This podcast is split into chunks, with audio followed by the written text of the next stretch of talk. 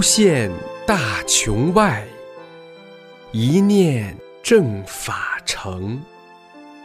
师尊慈悲愿，万物沐春风。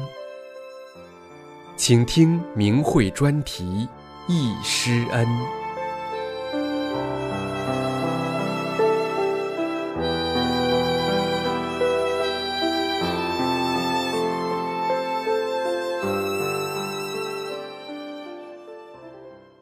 下面请听明慧文章《今生大法缘，永不忘李洪志师父之恩》。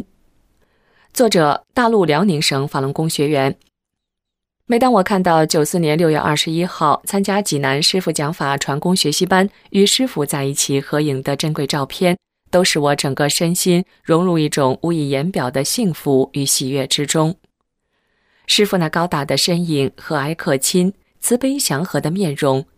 那一幕幕又清晰可见地浮现在我的眼前。这是我一生中最幸福的时光，成为我生命中永恒的、无比珍贵、美好的回忆。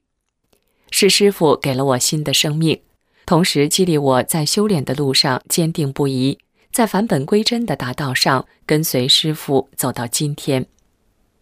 那是在没有参加师傅讲法学习班前两天，姐姐坐车行程七十多里路来我这里。我们聊了几句，姐姐说：“我的周围有几个人在练一种气功，祛病健身，特别有奇效，说是真佛下世来传的，救人来了。”我赶紧说：“是什么功啊？在哪地方传？”姐姐说是叫法轮功。我一听到法轮功，我的心里一震：真佛是什么样啊？姐，你赶快打听打听，在什么地方？姐说：“我的朋友他们在订票。”说是要参加学习班，我迫不及待地说：“姐呀，你赶快回去订票，咱们也去参加学习班，咱们也去见真佛。”就这样，姐姐来到我这里还不到半个小时，就又返回去了。二十号下午，我在单位请了假去姐姐家，一进门，姐说：“我本想给你打电话，让你请假快点回来，你自己就来了，这么巧啊！票已经订好了，今晚就走，还有几个小时。”你先看看书吧。我拿起《中国法轮功》，翻开一看，师傅照片怎么这么眼熟？我就高声对姐姐说：“这个照片的人我认识，好像在哪里见过，但我就是想不起来。”我刚看了一半，我就感到法轮在身体上转，在头顶转，字也是转的，有的变着颜色，肚子也咕咕响了起来，开始闹肚子。师傅讲。有的人还没参加学习班就已经有法轮了。看完书，我已经去了两次厕所，心里有些着急，心里想：法轮功老师，我不能再闹肚子了，一会儿就要上火车了，可咋办呢？真的神奇，坐上火车一路上也没闹肚子。六月二十一号，我们早早来到了济南皇庭体育馆，那里已经聚集天南海北来的学员。每个人找好自己的座位，等待师傅的莅临。当师傅高大身影出现的时候，全场起立，长时间的热烈鼓掌。师尊微笑着单手立掌，向大家致意，走向讲台，开始讲课了。掌声才停了下来。师傅讲法从不用稿，只有一张纸，声音洪亮亲切，用最浅白的语言讲出高深的法理。博得全场学员一阵阵掌声。师傅的讲法让我泪流满面，不知怎么就是控制不住，越听越爱听。从来没有人讲过这么高深的法理，浅显易懂，把我一生中解不开的迷惑问题全解开了，身心完全融在师傅伟大慈悲之中了。在从生命的深处发生着巨大的变化，启悟我等待久远的记忆。师傅博大精深的法理，使我明白了人生来的目的不是为了当人，而是为了返本归真。我精神集中聆听师傅的讲法，生怕漏掉一句。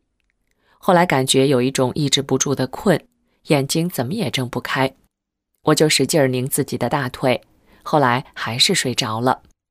可是神奇的是，师傅讲的法我一句也没漏掉，都听进去了。师傅在转法轮中讲，有的个别人还会睡觉的，我讲完了，他也睡醒了。为什么呢？因为他脑袋里边有病，得给他调整。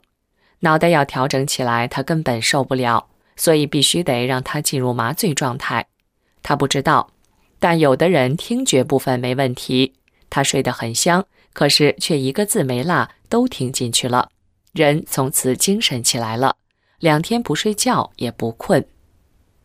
真是这样，在以后几天我不睡也不困了，因为我从上小学起就偏头痛，一直折磨了我二十多年。我原来身体不好，结婚后生小孩、坐月子期间受了风，浑身关节响、疼痛、冰凉、怕风，还有胆囊炎、胃出血、晕眩症、骨质增生、腰椎间盘突出、心脏病等十几种病，十年没有出过汗。夏天都要穿厚厚的毛衣毛裤，垫着垫褥子盖棉被，到处求医找偏方治也治不好，家里堆积各种各样的药，花了很多钱，痛苦难熬，难受的使我痛苦流泪。第一天听师傅讲法，不知什么时候我身体开始出汗了，衣服都湿透了，身体特别舒服。晚上感到浑身发冷，开始发高烧。浑身骨头没有不疼的。第二天我还是坚持去了，一到班上我什么症状都消失了。后来悟到，在师傅佛光普照的场里是最舒服、最幸福的。师傅给学员调整身体，让大家站起来，身体放松放松，想自己的病，没有病想一想家中有病的亲人。师傅说一声跺脚，只见师傅大手一挥一抓。然后扔在地上，当场很多人都说病没有了。师傅讲到第三天课，就给我身体都调整好了，身体热乎乎，走路轻飘飘的，真正体悟到了人没有病的滋味儿。在济南学习班期间下了多场雨，神奇的是，在开课前雨就不下了，等到学员都进入会场，师傅讲法时就下雨了。等师傅讲完课，走出会场时，雨就停了。等大家回到旅店，大雨又下起来了。我们在一起的学员深感师傅的伟大慈悲，每时每刻都在呵护着学员，为学员着想。师傅讲法时能量场很大，只有少部分人摆着扇子。当师傅讲拿扇子的人，不妨把扇子放下。人找苦吃还吃不着，这么点热就受不了了。大家立刻把扇子放下了，随后就感到习习的小风就吹过来了，感到特别舒服凉爽。在学习班第二天下午安排与师傅合影照相，天气特别热，负责四千多人秩序的工作人员忙不过来。慈悲的师傅不顾劳累，也不用话筒，只用手势指挥大家站好拍照。全部照完，还给学员留下了足够的吃饭时间。在学习班期间，师傅的高德大法使每个人的心性都在提高，道德标准在升华，世界观都在发生着根本的变化。大家互相关照，为别人着想，有费用不够的，就有人主动拿出钱相助；有困难的，主动帮助；有拾到钱的、拾到手表的、拾到金项链的，都交上去。师傅在开课前，只要公布一下，就有人去领。老学员把好的座位让出来，留给新学员或年岁大的或远道来的，处处按真善人的标准去做。在当今世风日下、道德标准败坏的社会，为了钱、为了利，什么事都敢做。只有在大法中修炼的人，才能体现出无私无我的境界，真正的是一个好人。法轮功这儿是一片净土。六月二十八日，师傅最后的一堂课讲法，学员提出很多的问题，师傅都一一给予解答。最后讲法结束了，全场学员站起来，长时间的鼓掌，我流出了眼泪，好多人都流泪了，久久的不愿离开师傅，站在那儿不愿走，手掌都拍疼了。师傅绕场走着，向学员告别，并大大手印推转法轮。许多单位和个人向师傅献锦旗、读感谢信、答谢师恩。八天的时间结束了，注入了我生命中最幸福的时光。同年八月五号，我又有幸参加师傅在哈尔滨讲法传功学习班。参加完师傅讲法学习班，回到家，那时还没有书，但是每天都能听到师傅讲法。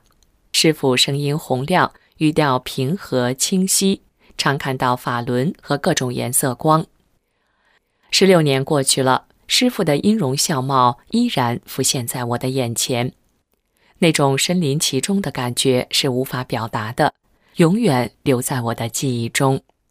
师傅，您辛苦了，您为宇宙众生操尽了心，您为宇宙众生所承受的，我们无法知道。能成为师傅正法时期的大法弟子，感到无比荣耀。感谢师傅伟大慈悲的苦心救度。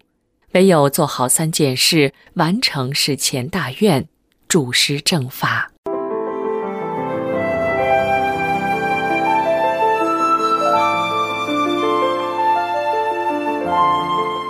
您现在收听的是明慧专题《易师恩》。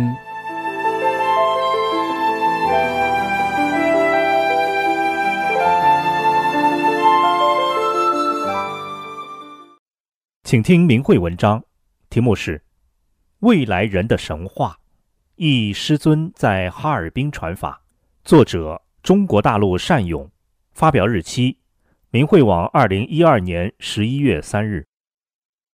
从儿时起，很少与同龄人玩闹，只是喜欢读书。在我阅读的各类书籍中，有些是佛道两家的经书，其中的内容引发我对人生的长久思考。在大学一年级下学期，我买了一本气功杂志，封面有师尊打坐的照片。杂志内容有对法轮功功理功法的简单介绍，看过后产生浓厚兴趣，于是按照杂志上刊登的动作图谱自学起来。练了动作后，感觉全身发热，精力充沛，觉得功法很与众不同。自学自练时。有时会看到头顶有一根金色光柱直通天际。后来得知师尊要来哈尔滨传功讲法，我赶紧提前一个月预定了门票，同时还有一张塑封的学员证。一九九四年八月五日，师尊传功讲法的第一天，我早早来到会场飞驰冰球馆，因为哈尔滨将要举行亚冬会，所以会场西部正在施工扩建。并用五彩布遮挡施工现场。我的座位是南侧中部。参加学习班的学员陆续到来，约有四千人左右。突然听到入场通道周围响起雷鸣般掌声，一个高大身影出现在会场中。我见到师尊面容亲切而有威严，登上讲台，调好麦克后开始讲课。随着师尊深入浅出的讲解。我豁然明白了有生以来思考的所有人生问题。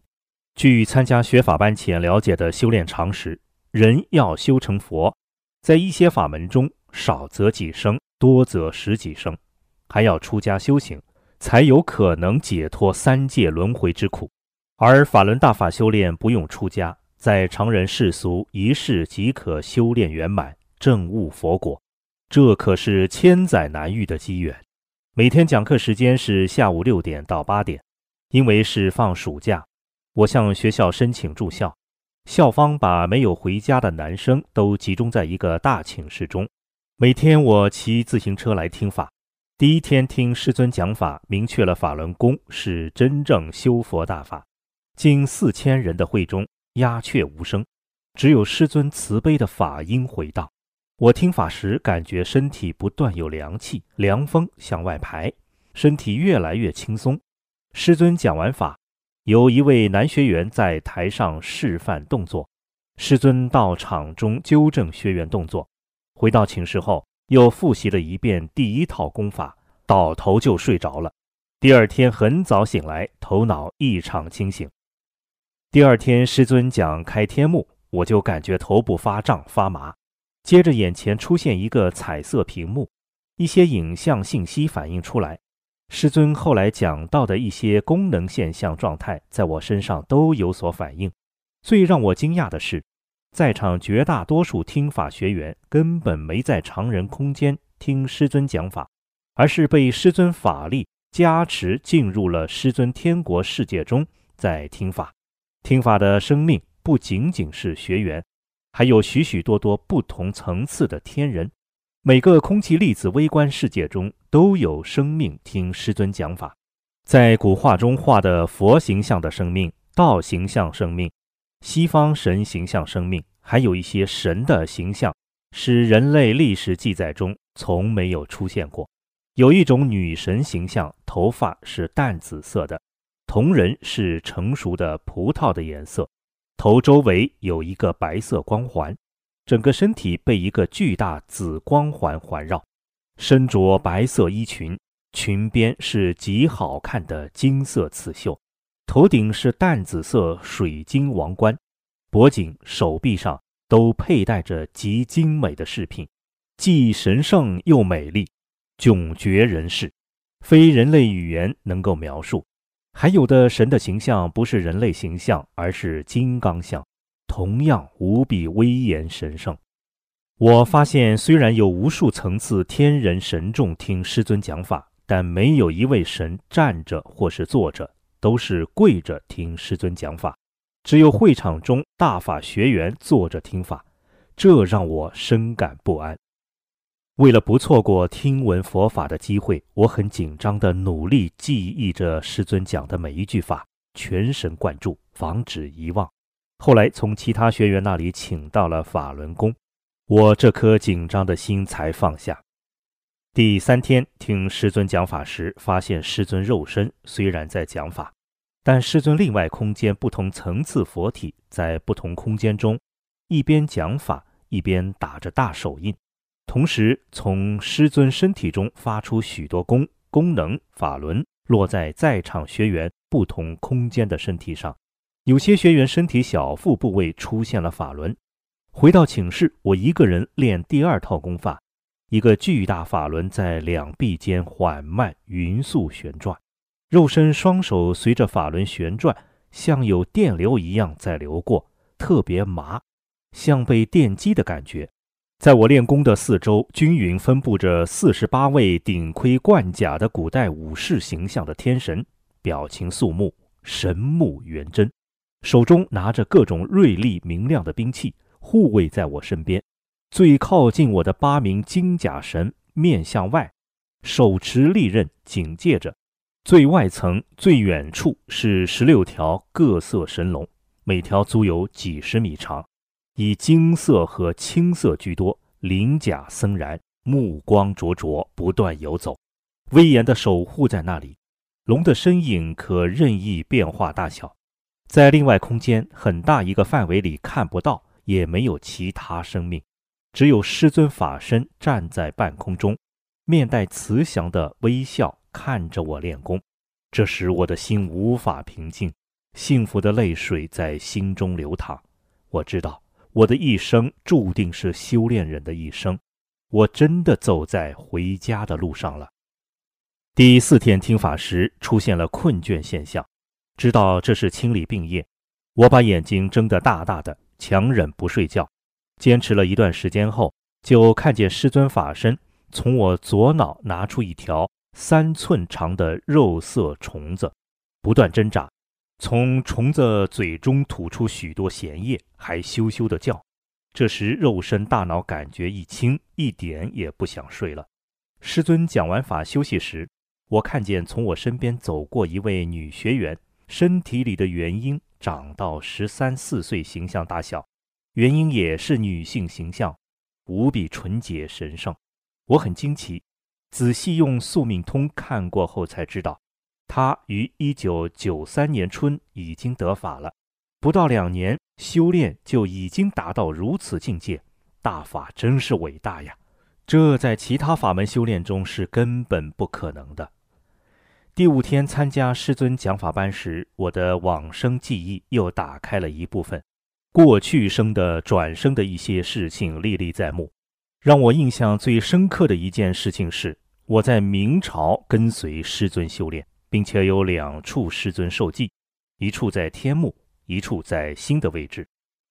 在我身边，一位来自辽宁凌源钢铁厂的男同修，过去生曾是释迦牟尼佛住世时的亲传弟子，他来自于一个遥远而美丽的神的国度。回到寝室复习第三套功法贯通两极法时，我看到另外空间的身体无比巨大，站在宇宙中顶天立地，没有了肉身概念。第六天听法，发现我的另外空间身体越来越大，身心沐浴在佛光中。祥和而快乐，真希望时间永远定格在这一刻，永远和师尊在一起。随着师尊讲法，一些新学员头顶出现光柱，一些老学员头上的光柱更加明亮。那时参加讲法班的学员真是仰仗师尊伟大威德，被师尊法力加持，摆放在更高的超常境界上。这两天。每一天，师尊要讲两讲法。练法轮周天法时，我发现不只是肉身表面气机在运转，而在深层空间中是庞大的星系在流转运行，星光闪耀，气势壮观，令人叹为观止。当师尊讲到谁练功谁得功的法理时，我更加坚定了修炼大法的信心。学练第五套功法神通加持法时，无意中发现，在我的小腹部位已经生长出了元婴，大约有三四寸高了，金光闪闪的坐在莲花盘上，是佛家形象的，头发翠蓝，穿着袈裟，非常圣洁。最后一天，师尊回答学员疑问，应学员再三要求，师尊打大手印。师尊打大手印时，在各层空间中，佛体打出强大金色光团，进入在场学员体内。几乎所有学员身体都发生了巨大变化，变成了透明体。在师尊加持下，学员们的身体散发出耀眼的光芒。师尊打完手印后，会场中再次爆发出雷鸣般的掌声。师尊在哈尔滨这一期的传法学习班结束了。来自全国各地的学员久久不愿离去。当我离开会场时，看见各层空间佛道神都怀着最崇敬的心，虔诚地向师尊叩谢。空中飘落无数五颜六色的花瓣雨，香气沁人心脾。几天后，我仍可闻到我身体散发出的花香。同寝室男同学都说：“你脸抹了什么东西？真白，还香香的。”众神带着得法的喜悦，都回归各自的天国了。走出会场，看见各地学员很多没有离去，在交流着听法体会，有的准备去延吉参加下一期师尊讲法班。这时，我看到半空中两位菩萨在说话，其中一位说：“能够得法的生命真是了不起。”另一位菩萨说：“是啊，历经磨难。”万里挑一啊！当时我并没有理解两尊菩萨所讲话语的内涵，直至经过了许多年的正法修炼，我才对这些话语内涵有所感悟。当时只是觉得自己太幸运了。时间就像那静静河水，无声无息地从我们的生命中流过。十八年过去了，十八年前那刻骨铭心的记忆。时常在我心中闪现。经过十八年血与火的锤炼，从生与死的考验中走过来，我发现我由一个自私的生命转变成为能够放下自我，为别人着想，为了维护法，为了众生的利益，毫不犹豫付出我所有的高尚生命。今天，我用笔把这难忘的记忆继续下来，与同修分享。缅怀在正法时期与伟大师尊正法同在，与千百万伟大的正法弟子共同走过的光辉岁月，师恩难忘，难忘师恩。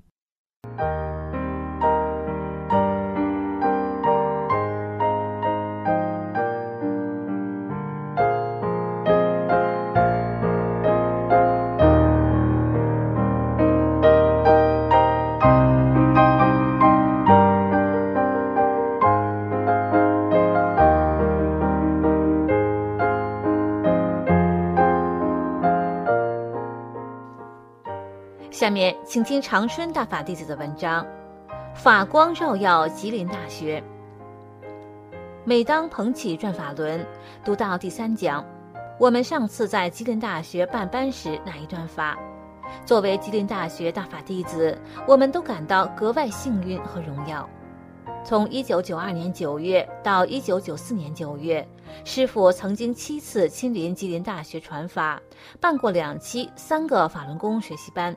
亲自为学员选定练功点，两次与吉林大学学员座谈，两次亲临练功点看望学员，一次在吉林大学为长春市法轮大法辅导员解法。长春是师傅的家乡，是最早得到大法洪恩福泽的地方。师傅在《转法轮》里写到，在吉林大学办班时发生的故事，是这一段历史在未来的宇宙中永存。这段珍贵的历史一直激励着吉林大学大法弟子在大法中不断精进，圆满完成自己的责任和历史使命，不负师傅的慈悲厚望。师傅传法已有十九年了，回想师傅当年在吉林大学传法的情景，依然历历在目，仿佛昨天。今天我们把这珍贵的记忆记录下来，与同修分享，了却我们的一桩心愿。也是献给世界法轮大法日的一份特殊礼物。师傅亲自选定练功点。一九九二年九月十七日，长春第四期法轮功学习班结束，师傅晚上就要到北京去，车票已经买好了。吉林大学一位参加过师傅班的学员恳请师傅在离开长春之前到吉林大学来看看，师傅同意了。九月十七日清晨，师傅骑着一辆旧自行车来到理化楼后面的小树林，几位学员在那里等候着师傅。师傅指着科技楼前面说：“到那边去吧，我给你们清场。”就这样，吉林大学第一个练功点——科技楼练功点成立了。这是师傅亲自选定并给清场的。这里是一个幽静的小花园，有花坛、假山。甬路长廊比别处更加宽敞明亮。后来到这里来练功的人越来越多，很快就装不下了。九五年以后，先后从这里分出去的吉林大学练功点至少有六个：外语楼、文科楼、东朝阳路、体育馆、市规划院、吉大南区等。每个练功点都有七八十人。从当初的一个练功点几个人。到七个练功点，五百多人，相隔不到三年。一九九九年七二零之前，每天清晨，科技楼练功点静静地站满了练功的学员，伴随着悠扬舒缓的练功音乐，他们动作整齐、安静祥和。大家都说这里能量场特别强，特别好。不少人宁愿走很远的路，始终坚持到这里来练功。吉林大学有一位处长患有严重关节炎，走路非常困难。他学了法轮功，每天早早从家出发，走到练功点来练功。冬天无论多冷，他都来，很快就能正常行走了。九五年，外地的、国外的学员到长春来交流学法、修炼体会，看到练功点上空一片红光。很多学员在这里拍照片，上面都显现出五彩缤纷的法轮和美丽的光环。那天清晨，师傅给清场后，又答应给学员调整身体。师傅说：“你们排好队，每人给去一个兵。”几个学员就排成一队。当时在附近和明放宫前面锻炼的人很多，练各种功派的都有。他们一看这边不要钱给治病，就呼啦一下都跑过来，排了长长的一队，有近百人。师傅按顺序一个一个的给看，说的什么病，师傅给看过后，那个病就没了，立即见效。也有人不满足，师傅给看过了，他又去排队，师傅就说：“给你看过了，怎么又来了？”那人不好意思。师傅也没说什么，就又给看一遍。师傅慈悲啊，从清晨到一个一个给看完，师傅给近百人调病，用了两个多小时。师傅离开的时候都八点多钟了。那天是长春第四期班的最后一天，师傅还有一堂课要讲。当天晚上，师傅又坐火车到北京去。第二天，北京法轮功学习班开始。师傅最初传法的时候，真的是非常非常辛苦，而那时大家还不知道师傅传的大法的真正含义，不太懂得珍惜。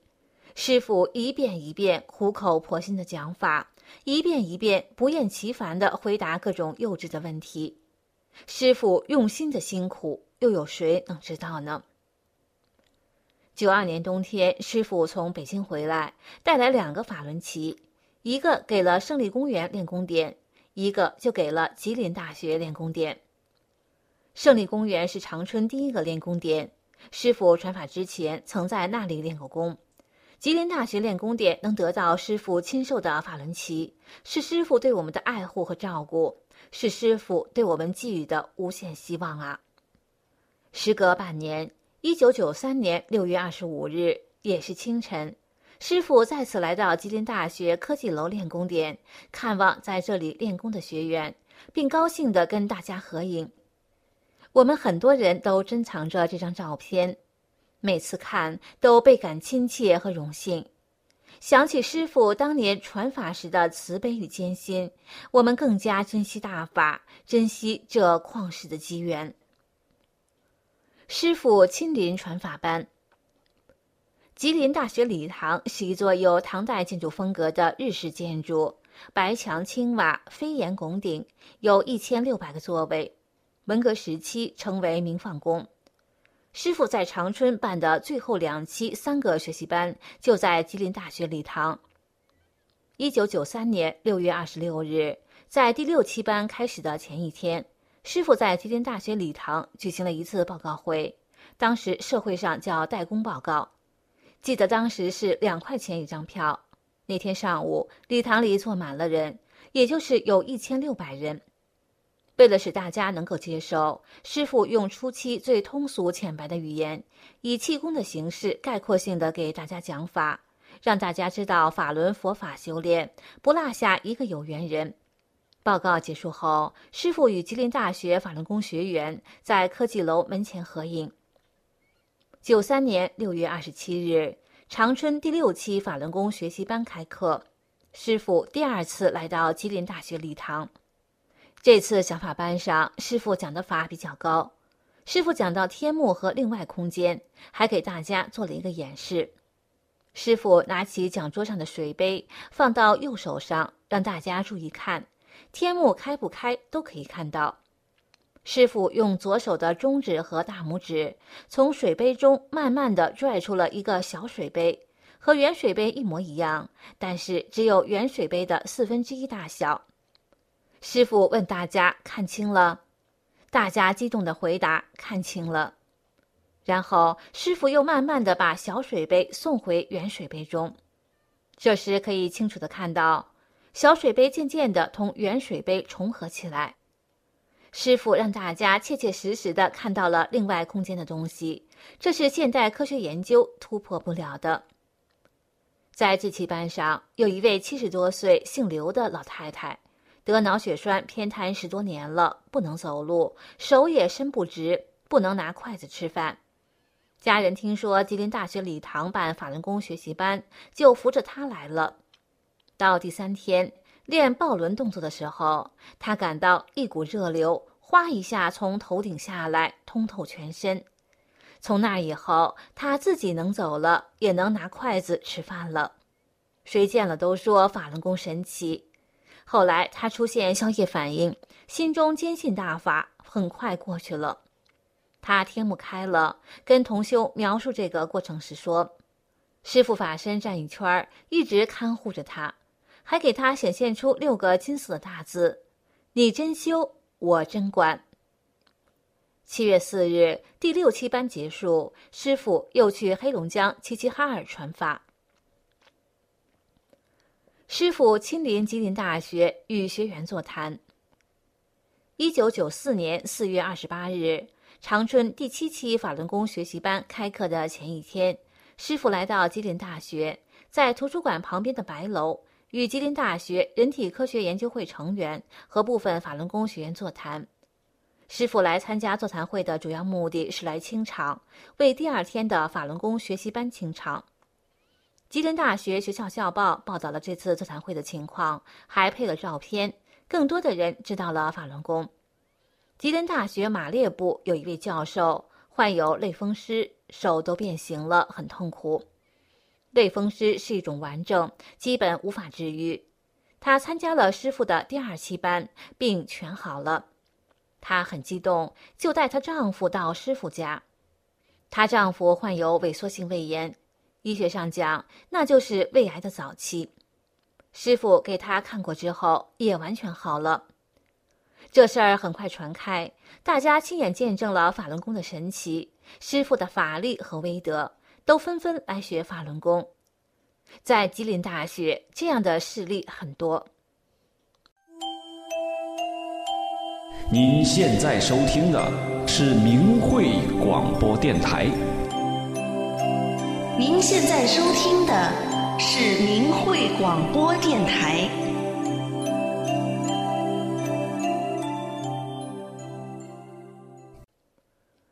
师傅再次亲临传法班传法。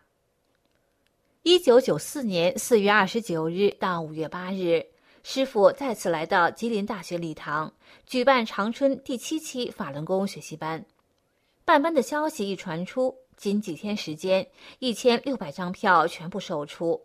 还有青海、内蒙古、安徽、黑龙江、北京、山东等十多个省市赶来学习法轮功的七百多人，以及长春一千多想要来学习法轮功的人没有买到票，怎么办呢？负责组织的学员就想换一个大一点儿、能坐三四千人的地方，可是到市体育馆一问，他们要价太高。师傅无论在哪里办班，都坚持最低的收费标准。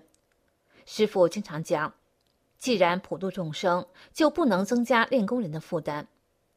学员请示师傅，师傅表示就在吉大礼堂，白天晚上办两个班。这样一来，师傅上午讲，晚上还要讲，非常辛苦。在场的学员深受感动，所以长春第七期法轮功学习班有白天和晚上两个班，共三千两百人。即便这样，还有很多人没有买到票。好多参加过班的老学员把自己的票主动让给了新学员。师傅讲课前。做接待工作的学员按照常人的一贯做法，把礼堂使用须知和注意事项，比如不迟到、不早退、不随地扔纸等等，写在一张小纸条上交给师傅。师傅看完笑了，说：“不用这个。”那个时候，吉林大学礼堂经常有会议，也有各种气功来办班，每次都给他们这样的纸条。这位学员刚得法，对法轮功还没有深入的了解，以为也像一般的气功一样。一桩桩、一件件的事情，使学员亲身感受到师傅的高功大德以及法轮功的神奇超常。学员们对师傅非常敬仰。师傅来到会场时，全体起立，随之响起雷鸣般的掌声，经久不息。师傅一再打手势，叫大家坐下，大家才坐下。在给师傅倒水的时候，学员看到师傅面前放着一张纸，三十二开大小，上面勾勾画画，都是看不懂的字。这就是师傅的讲稿。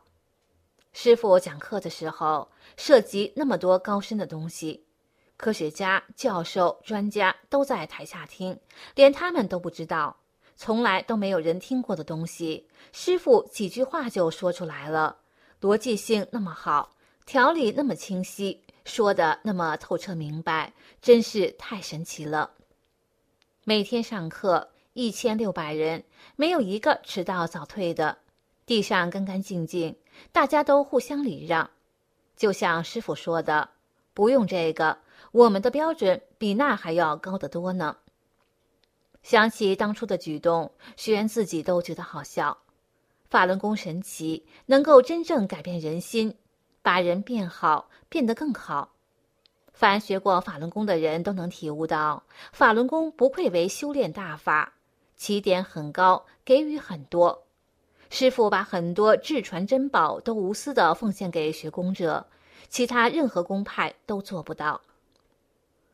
师傅在转法轮中说，在传法的过程中也有不顺利的地方，方方面面的干扰也是很大的。由于主办单位和各界领导给予大力支持和工作人员的努力，我们的班办得比较圆满。师傅讲的法，每一句话都有深刻的内涵。第七期班就遇到过这样一件事，在第二天的白天班上。师傅正在讲课，礼堂突然停电了，整个礼堂楼上楼下一片漆黑。负责组织的学员们很着急，因为那天是星期天，到处找电工也找不到，急得满头大汗。吉大礼堂备有蜡烛，停电应急使用。学员马上取来蜡烛，点燃放在讲台上。师傅一点也不着急，告诉负责录音的学员。你不是有录音机吗？买几节电池，把音箱放两边就可以了。学员一听，马上去买了十节一号电池，安在大录音机上，再按照师傅说的那样，把音箱放在两头。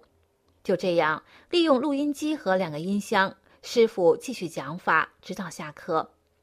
坐在礼堂后排的学员听得都非常清楚。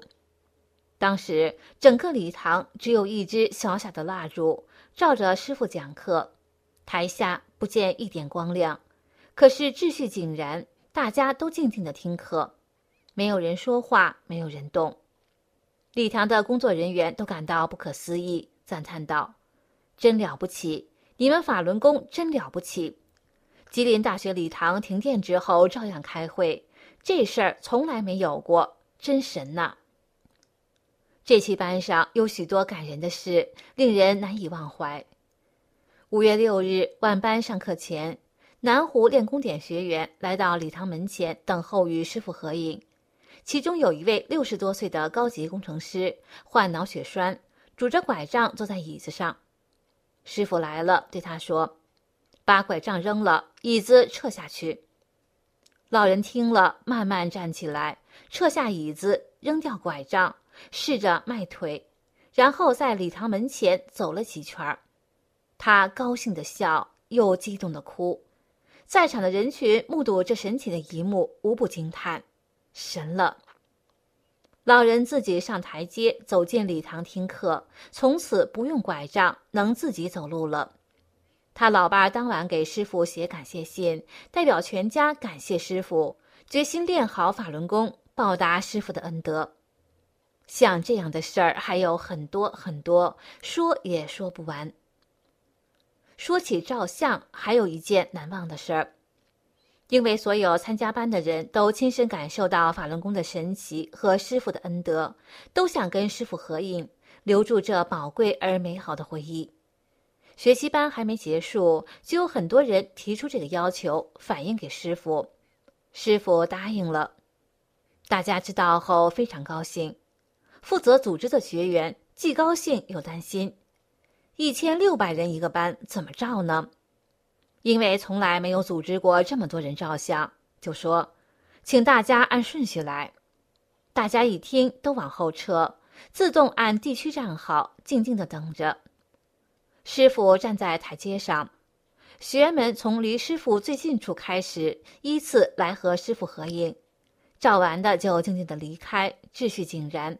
根本不用人来组织，一个一个地区的照完了，还有单个家庭、亲友、个人想要再单独和师傅合影，师傅都一一满足了。一个多小时照了六卷胶卷，师傅始终站在台阶上。是师傅的慈悲、威德和法力，使人从内心到表面，整个彻底改变了，而且就在这么短短几天的时间。每个人都发生了根本的变化，懂得了做人的道理，明白了人生的意义，自觉的去做好人，都去为别人着想，严格要求自己，使法轮功的环境成为浊世中的一块净土。在第七期讲法班上，师傅讲得很高。讲法班结束后，师傅让把这期讲法录音抄录下来，要求必须一个字不落的抄录下来。吉林大学几位学员承担了这项工作，在很短的时间内把录音抄录成文字，摞起来很高一摞。当时还不知道这就是师傅说的。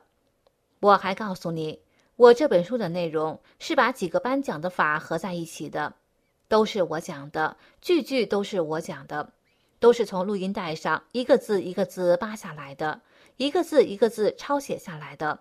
都是我的弟子学员帮助我从录音中抄录下来，然后我再一遍一遍的修改，都是我的法，我讲的就是这一个法。这本宝书就是转法轮。在学习班最后一天，一面面锦旗，一封封感谢信纷纷送上讲台，学员们每个人都亲身受益，一个个热泪盈眶，有说不尽的肺腑之言。大家争相与师傅握手道别，有学员问师傅：“师傅啊，您走了以后不在长春了，我们怎么办呢？您还管不管我们呀？”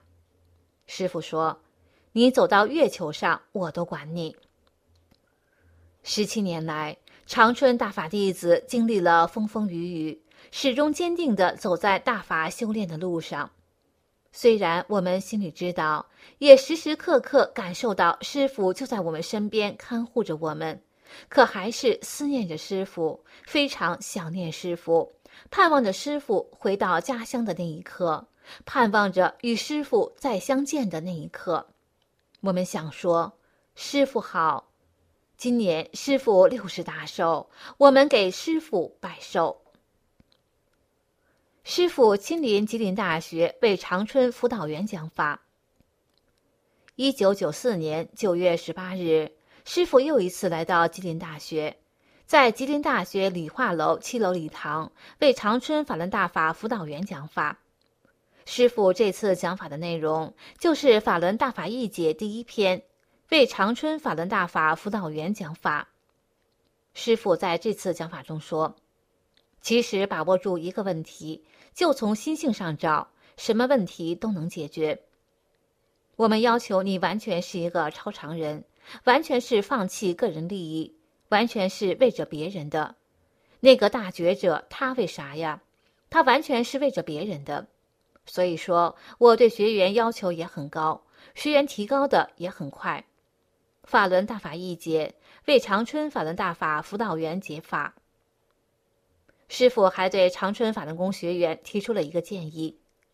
再有，我还没有和咱们几个负责人说这事儿，就是我们能不能在我家乡带个头，组织一下？我们不能只是集体练功，我们能不能找个特定的时间，集体来学一学法，逐章逐节的，大家念一念，讨论讨论，学习时间的安排像集体练功一样固定下来。我想这样更有好处。有针对性，这样对我们将来遇到实际问题就有法可依。我们开个头，在全国各地辅导站能起到一个很好的带头作用，然后全国各地可以效仿，这样对我们提高认识是非常有好处的。提这么个建议：法轮大法一节，为长春法轮大法辅导员解法。师傅讲法之后，长春法轮功学员开始注重学法修心性，并很快推向全国。一九九五年《转法轮宝书》出版后，大家更是手不释卷，学员就近组成学法组，有大有小，自动组织起来学法。很多人就是下班后直接去学法组学法，每天如此，打下了深厚的个人修炼基础。那时，经常有全国各地学员到长春交流，甚至经常有台湾和国外的学员，包括西人学员，利用假期到长春来，和长春学员一起学法练功。这些学员到长春，也一定要到吉林大学，重温师傅当年传法之路，听学员讲师傅传法的艰辛和神迹，倍感亲切，备受鼓舞。佛光普照，礼义圆明。十七年来，虽然吉林大学经历了合校南迁，但是师傅当年传法所到之处依然如故，庄严肃穆，宁静安详。从九五年初到九九年七二零，很多高中生、大学本科生、研究生学员因为转法轮书中提到吉林大学，就志愿报考吉林大学。来报到那一天，到学生处注册的同时，马上到练功点学法组来报到。他们都是很聪明的学生，是可以考到清华、北大去的。有的学生能背诵整本转法轮，学法的时候就是背，一字不差。他们来吉林大学，就是为了感受这里的学法修炼环境。还有这样的事儿，大约在九五年，甘肃省兰州有一个人在书店里看到《转法轮》这本书，他一翻，感到这不是一般的书，就请回家去看。他看了书就想学，可是不知道怎么练功。动作是什么样？他看到书上写的，上次我们在吉林大学办班，就给吉林大学校领导写了一封信。学校练法轮功的人很多，因为修炼人境界高，所以练法轮功的人都很有名。这封信就转给了一位学员，这位学员就把师傅教功录像带邮寄给他。他们往来多次通信，直到九九年七二零。像这样的故事还有很多，湖南的、其他的，都是看了转法轮，知道师傅在吉林大学办班，写信来找来问，学员都一一给予帮助。当年师傅非常关心吉林大学大法弟子，早期与师傅接触多的学员，分别得到过师傅亲笔题字，有真修、忍、悠悠万事、修炼为大等。这些题字在纪念师傅传法五周年、长春第二届法轮大法美展上都曾经展出过，这也是吉林大学大法弟子的偏德和极大的荣幸。回想师傅在吉林大学传法的日日夜夜，多少次止不住热泪流淌。师傅啊，您给了我们太多太多，太好太好。有位学员见到师傅就是流泪。眼泪从头流到尾，他说：“一辈子都没有流过那么多眼泪，因为那是我们每个人一生中最幸福、最开心的时候，是我们生命中的宝贵财富。那是师傅慈悲的恩赐，是师傅威德的体现。它不属于我们个人，那是佛恩浩荡，那是宇宙大法的展现，源于大法，归于大法。”师傅历尽千辛万苦，传这么好的法度我们，只要我们一颗向善的心。经历了十九年的风风雨雨，我们成熟了，更加珍惜师傅给予我们的一切。今天，在师傅六十大寿的日子里，在师傅传法十九周年之际，吉林大学大法弟子给师傅拜寿，向师傅问好。在大法光辉照耀下。我们一定不辜负师傅的慈悲，努力做好大法弟子应该做的，精进再精进。